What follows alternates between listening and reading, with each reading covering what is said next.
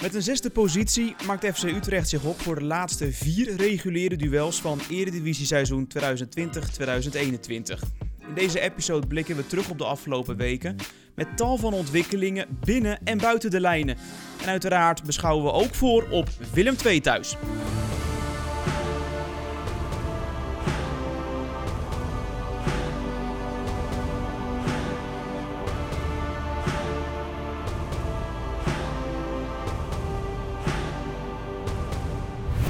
Dat je luistert naar de FC Utrecht Matchday podcast. Natuurlijk ben ik niet alleen, want zoals altijd is ook Dick van de partij. We trappen af met week 16 van kalenderjaar 2021, oftewel de vorige week, waarin Utrecht midweeks 1-1 speelde in het inhaalduel bij Ajax en zondag met 2-1 won bij FC Twente. Dick, welke van deze twee duels ja, roept bij jou lekkere gevoelens op? Nou, allebei wel eigenlijk, maar uh, die laatste toch voornamelijk omdat dat uiteindelijk een overwinning werd. Maar uh, dat doet niks af aan het feit, wat mij betreft althans, dat die 1-1 dat die bij Ajax, dat dat um, punt 1 best wel een verdienstelijk resultaat is. Um, en punt 2 dat, dat FC Utrecht daar wat mij betreft althans ook heel, uh, heel goed voor de dag kwam. En het Ajax echt heel erg moeilijk maakte. Um, dus daar, daar genoot ik van. En tegelijkertijd vroeg ik mij een beetje af uh, van hoeveel energie steken wij hier op donderdagavond in deze wedstrijd? En uh, wat houdt dat dan weer in voor de manier waarop wij zondag in Enschede aan, uh, aan de streep verschijnen, zeg maar, aan de startstreep staan? En nou ja, dat ging eigenlijk ook hartstikke goed. Dus wat dat betreft was ik, nou ja, was ik ook heel positief. Want ja, ik, ik zag dus in, in Amsterdam een team dat er echt voor ging. veel arbeid in die wedstrijd stopte. en zondag eigenlijk precies hetzelfde. Um, maar goed, dan met, met een driepunter uh, als, als resultaat. Maar uh, dat was hartstikke goed. Zeker uh, gezien het feit dat we natuurlijk, we stonden in Enschede bij rust met 1-0 achter. en dat was volgens mij niet de beste eerste helft van het seizoen. Um, het publiek speelde wat mij betreft ook echt een rol. We komen er dadelijk misschien nog even over te spreken, over de aanwezigheid van publiek. Maar in, in, in de Grolsvesten zaten dus 4000 toeschouwers. Wat mij betreft maakten ze geluid voor 34.000. En um, ja, dat was, dat was voor mij in ieder geval, en ik had het idee voor, voor, voor iedereen, toch even wennen. Toch zo van, potverdorie, nu is een uitwedstrijd wel weer echt een uitwedstrijd. En heb je echt ook die twaalfde man, daar heb je mee te maken. Um, maar goed, ja, die schroom die gooiden we in ieder geval hartstikke goed van ons af. En, uh, en het leverde een overwinning op. Uh, geweldig eerste kwartier van de tweede helft. Waarin we eigenlijk zelfs de 1-3 uh, hadden moeten maken. Uh, dat lukte niet, maar die 1-2 die, uh, die verdedigden we uiteindelijk met hand en tand en trokken we over de streep. En nou ja, de, de manier waarop dat gebeurde, ja, die, die, uh, die sprak mij in ieder geval zeer aan. En dus ik stapte met een lekker gevoel uiteindelijk weer, weer de auto in terug, terug naar huis. Ja, Dick, mooi dat je al zo uh, enthousiast spreekt over uh, nou ja, sowieso uh, publiek in het stadion. En inderdaad een mooi resultaat bij Twente. Gaan we het zo meteen nog uitgebreid over hebben. Maar eerst naar een duel van eerder die week. Utrecht ging dus op bezoek bij Ajax. Een inhaalduel. Want begin februari was het code rood. En de sneeuw van toen die maakt nu natuurlijk plaats voor een heerlijke voorjaarszon. In een lege Johan Cruijff Arena speelde Utrecht dus gelijk bij koploper Ajax, dat op uh, dat moment 23 keer won, drie keer gelijk speelde en twee keer onderuit ging. Je hoort René Haken, hoofdtrainer van FC Utrecht, over het gelijkspel in Amsterdam. Dat is toch smullen? Ik bedoel, uh, de, de, de, reddingen die je ziet van, van een Oelslegel, de, de pages die Maher eruit haalt, ja. uh, het loopvermogen van Girana, daar vergeet ik nog heel veel jongens. Maar je, je, mag toch ook wel een beetje genieten van zoiets? Ja, nee, maar daar geniet ik ook van. en uiteindelijk, ben, maar je bent altijd aan het kijken van, van waar had er nog meer in gezeten. Hè? En, en, en, dat je dan als team moet verdedigen en dat iedereen die bereidheid heeft om, om daarin zijn, zijn arbeid te, te leveren en te knokken en te duelleren. Ja, dat, is, dat is uiteindelijk wel heel goed om te zien. Ja, en dan klinkt uiteindelijk dat, dat fluitsignaal. En dan, ja, er is natuurlijk een stilte doordat er geen publiek is, logisch. Maar ik had ook het idee dat beide ploegen niet zo goed weten hoe ze moesten ja, reageren op ja, het resultaat. Ja, wij waren blij. Uh, want als je, nogmaals, als je uit bij Ajax 1-1 kunt spelen en dat je ook ja, een groot gedeelte de tweede helft uh, hoofdzakelijk op eigen helft speelt, ja, dan, dan kun je er alleen maar content mee zijn. Ja, de, de zesde uitwedstrijd op rij waarin je minimaal een punt pakt. Hè? Vijf overwinningen uit mijn hoofd en nu een gelijk spel dan. Maar toch, dat blijft nog even voortgaan, die, die reeks. laten we dan nog maar even volhouden. Van nagenieten tot uitrusten was amper sprake, want drie dagen later stond Haken samen met de, de rest van de staf en de selectie natuurlijk een busrit te wachten naar Enschede. Inderdaad, een uitduel bij FC Twente, zojuist al benoemd. Het was niet zomaar een duel, los van het uh, resultaat, want voor het eerst uh, sinds maanden, Dick, je begon er al over, publiek. Hoe was dat uh, voor jou? Want je zei al, ja, het maakte lawaai voor uh, 30.000. Ook al waren er maar grof ja, 3.000, 4.000 in het stadion aanwezig. Maar wanneer was jouw, jouw eerste gevoel van, wauw, er zijn inderdaad supporters? Wanneer kreeg je het echt mee qua gevoel, qua, qua geluid? Nou, eigenlijk op de parkeerplaats al. Want toen stond er een parkeerwacht die eventjes eh, controleerde welke kant ik ook alweer op ging rijden. Waar ik mijn auto neer moest zetten. En uh, dat was ik ook alweer even niet gewend. Want uh, ja, wedstrijden zonder publiek betekent wedstrijden uh, zonder mensen erbij. Dus ook zonder auto's. Dus dan was het zomaar, je zet je auto neer, je loopt zo een stadion in en, en je doet daar je werk. En, en nu merkte je zeg maar al meteen in de aankomst van, oh ja, de dingen zijn weer even anders. De dingen zijn weer zoals in het verleden waren. Nou, toen sjouwde ik uiteindelijk die beruchte trappen op naar de, naar de perstribune van FC Twente. en, en toen kwam ik daar aange, aangelopen en dan kijk je om je heen en je ziet mensen zitten die allemaal overduidelijk heel blij zijn dat ze er zijn.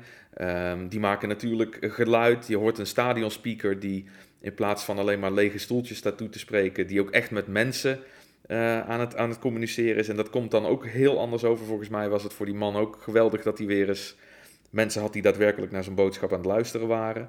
Um, nou, dus dat, dat is, dan is het ineens weer een, een hele andere beleving eigenlijk. En uh, ja, ik moet zeggen dat ik daar uh, toch wel een klein beetje van heb zitten genieten.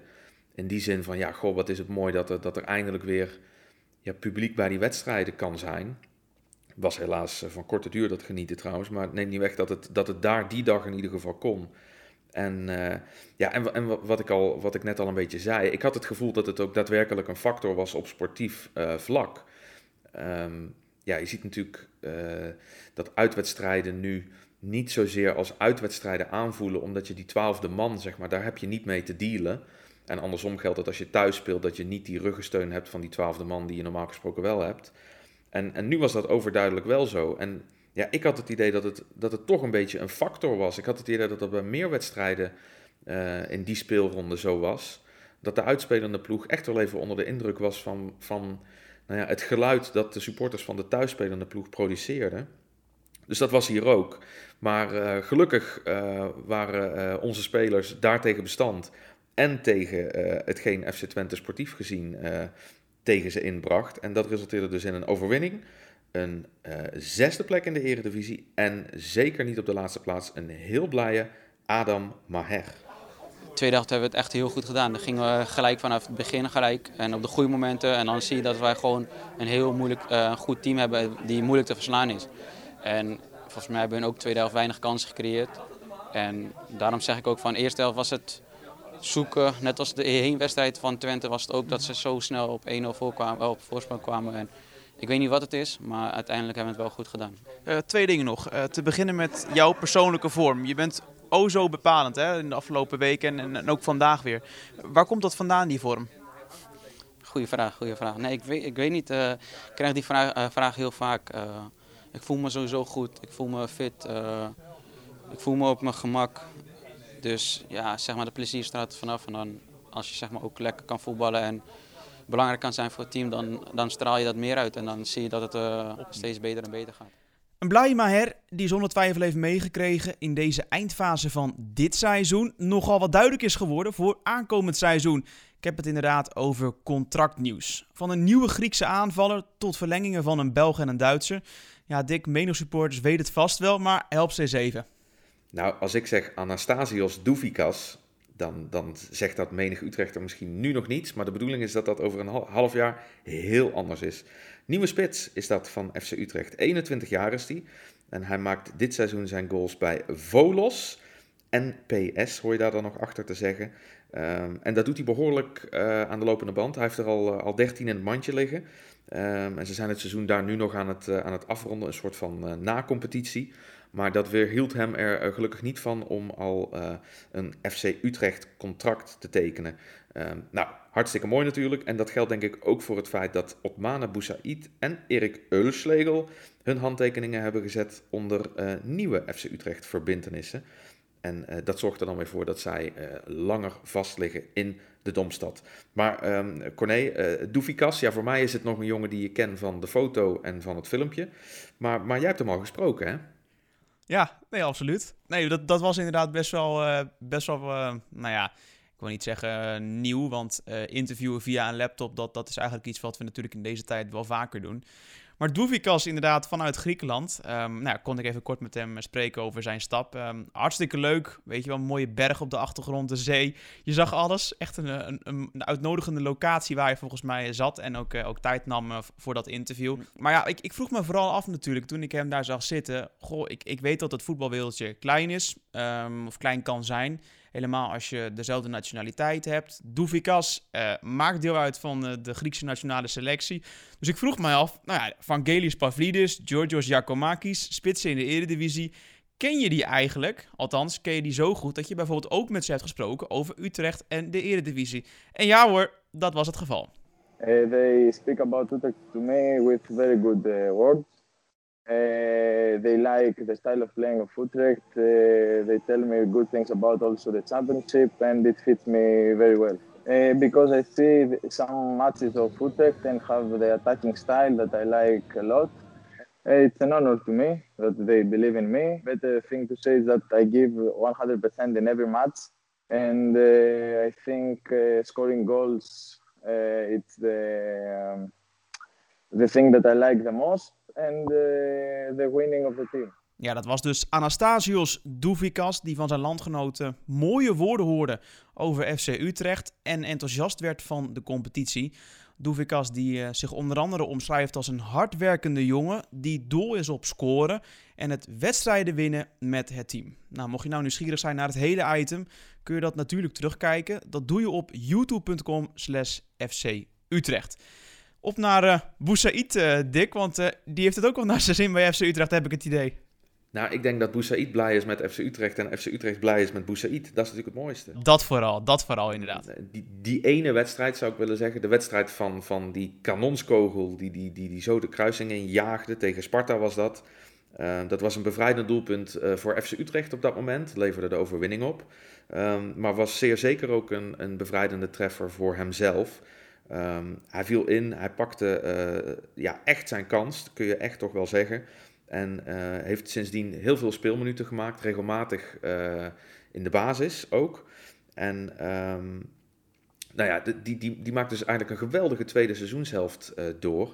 En um, was amper 24 uur voordat hij zijn, uh, zijn contract trouwens verlengde bij uh, FC Utrecht ook nog hartstikke belangrijk. Met echt een prachtige assist op uh, Sander van der Streek in de Grolsvesten tegen, tegen FC Twente. Um, nou ja, dus dat was een hele mooie onderstreping eigenlijk van het feit dat hij goed bezig is.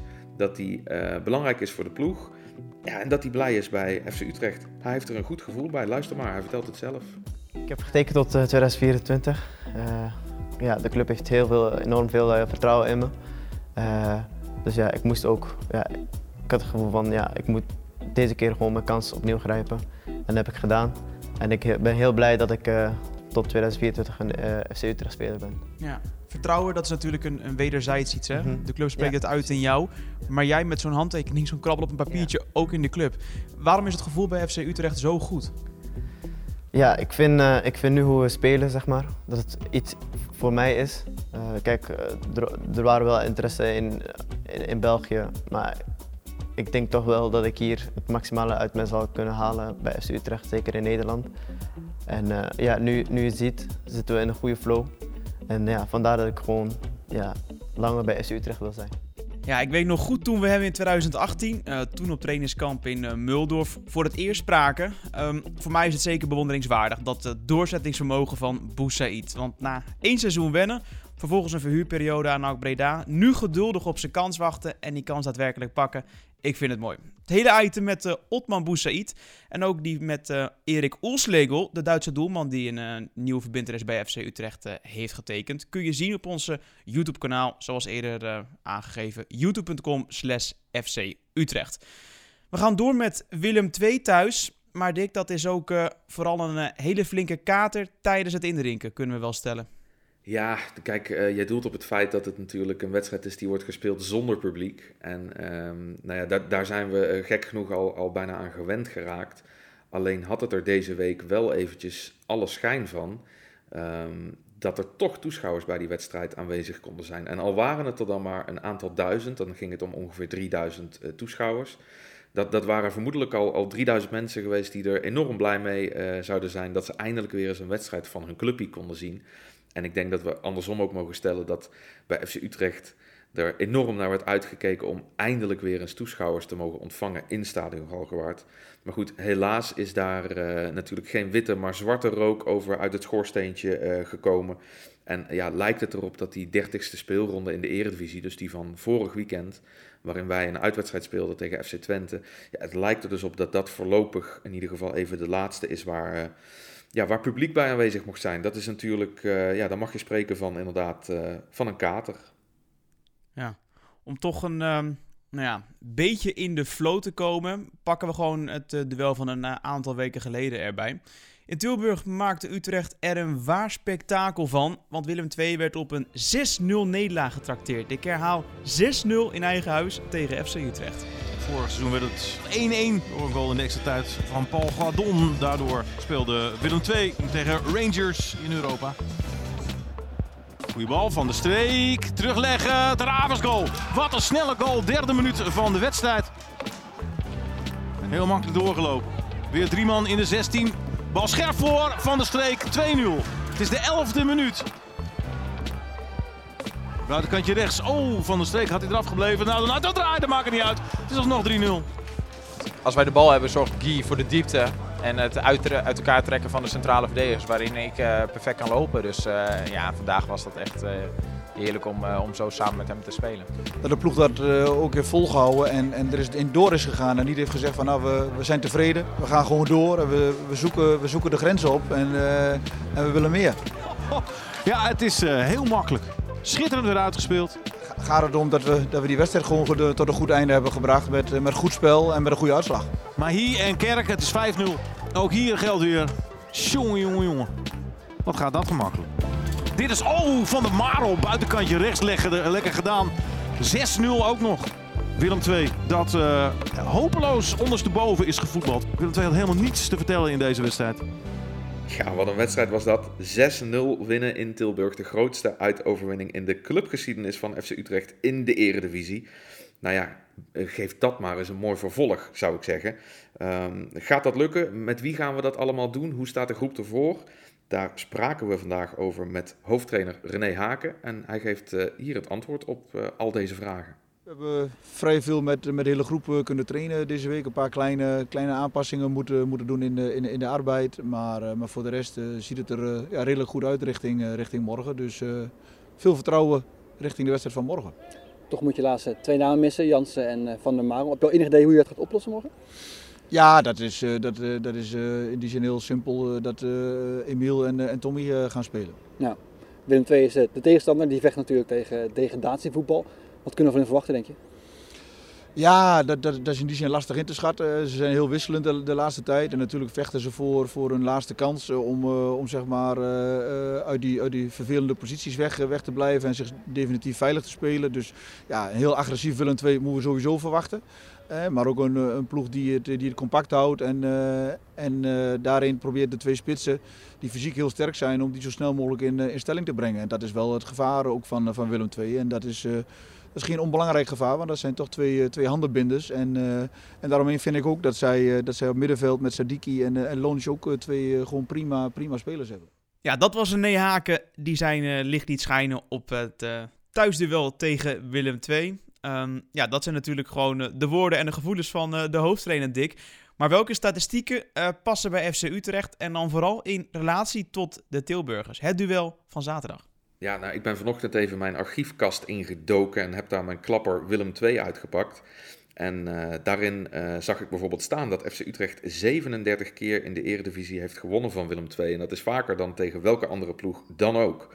En als je kijkt naar uh, de, de laatste 12 thuiswedstrijden van FC Utrecht tegen Willem II in de Eredivisie, dan werden er daarvan 11 gewonnen door de FC uit Utrecht. En nou ja, dan laat ik ook maar die ene uitzondering in dat rijtje benoemen. Dat gebeurde op 27 januari 2019. toen gleed FC Utrecht uit over de bananenschil die werd neergelegd door Daniel Crowley werd 0-1 voor de tricolores. Nou, en FC Utrecht heeft dus met 6-0 gewonnen in Tilburg van Willem II. En uh, dan ben ik natuurlijk ook meteen eventjes benieuwd naar van, goh, wat is eigenlijk de grootste marge uh, in één seizoen, gekeken naar twee wedstrijden die ooit door FC Utrecht is neergezet? Nou, dat is, het antwoord op die vraag is 8. Dat gebeurde in het seizoen 81-82. Toen won FC Utrecht met 3-0 en 5-0 van de Graafschap. En in het seizoen 2000-2001 uh, was het verschil ook 8 tegen FC Groningen. Dat werd toen in Groningen 1-3. En in Utrecht werd dat nog eens even dunnetjes overgedaan, werd het 6-0. Was een memorabele wedstrijd trouwens. Um, nou ja, en, en dat zijn zomaar eens even wat van die feitjes die, uh, ja, wat mij betreft in ieder geval, um, een, een goed gevoel uh, doen aanwakkeren richting die wedstrijd uh, tegen de ploeg uit Tilburg. Leuke feitjes over nou ja, onder andere het De Graafschap, de club die we mogelijk over een aantal weken weer verwelkomen in de Eredivisie. En Groningen, ja, wie weet treffen we die ploeg nog in de playoffs. Het zou kunnen, toch? Ja, dat, dat, uh, laten we dat in ieder geval nog maar niet uitsluiten. Nee. Um, is er iets wat, wat we nog niet aan bod hebben laten komen, wat we toch nog even erin moeten gooien, Dick? Nou, ik denk eigenlijk dat we voor dit moment het meeste wel, wel hebben besproken. Uh, we zijn kort ingegaan op een aantal uh, ontwikkelingen, bijvoorbeeld die rond Anastasios Doufikas, Otmane Boussaid en Erik Eulslegel. En nou ja, voor iedereen die daar wat meer verdieping in zoekt, kijk op youtube.com slash FC Utrecht voor de volledige interviews. Daar kun je ook bijvoorbeeld een item vinden dat heet Directie Donderdag. En uh, daarin uh, geeft Edo Keuning deze keer een update over allerhande zaken. Onder andere over de accommodatie, de trainingsaccommodatie van FC Utrecht. Ook echt de moeite van het kijken waard. Dus mocht je na het beluisteren van deze podcast nog een kwartiertje over hebben, ja, uitnodiging staat. Kom eens even langs op youtube.com slash FC Utrecht. Ja, de play-offs voor Europees voetbal nog mislopen. Het lijkt vooral een theoretisch ding, maar toch, weet Utrecht te winnen, dan speelt het uh, ja, die na-competitie op eigen kracht en vooral heel tijdig veilig. Het is speelronde 31 in de Eredivisie en helaas, helaas, helaas zonder publiek. Dank voor het luisteren. Mocht je input hebben voor een volgende episode, schroom dan niet. Mail naar socialmedia.fcutrecht.nl Voor nu, tot de volgende. Doei doei.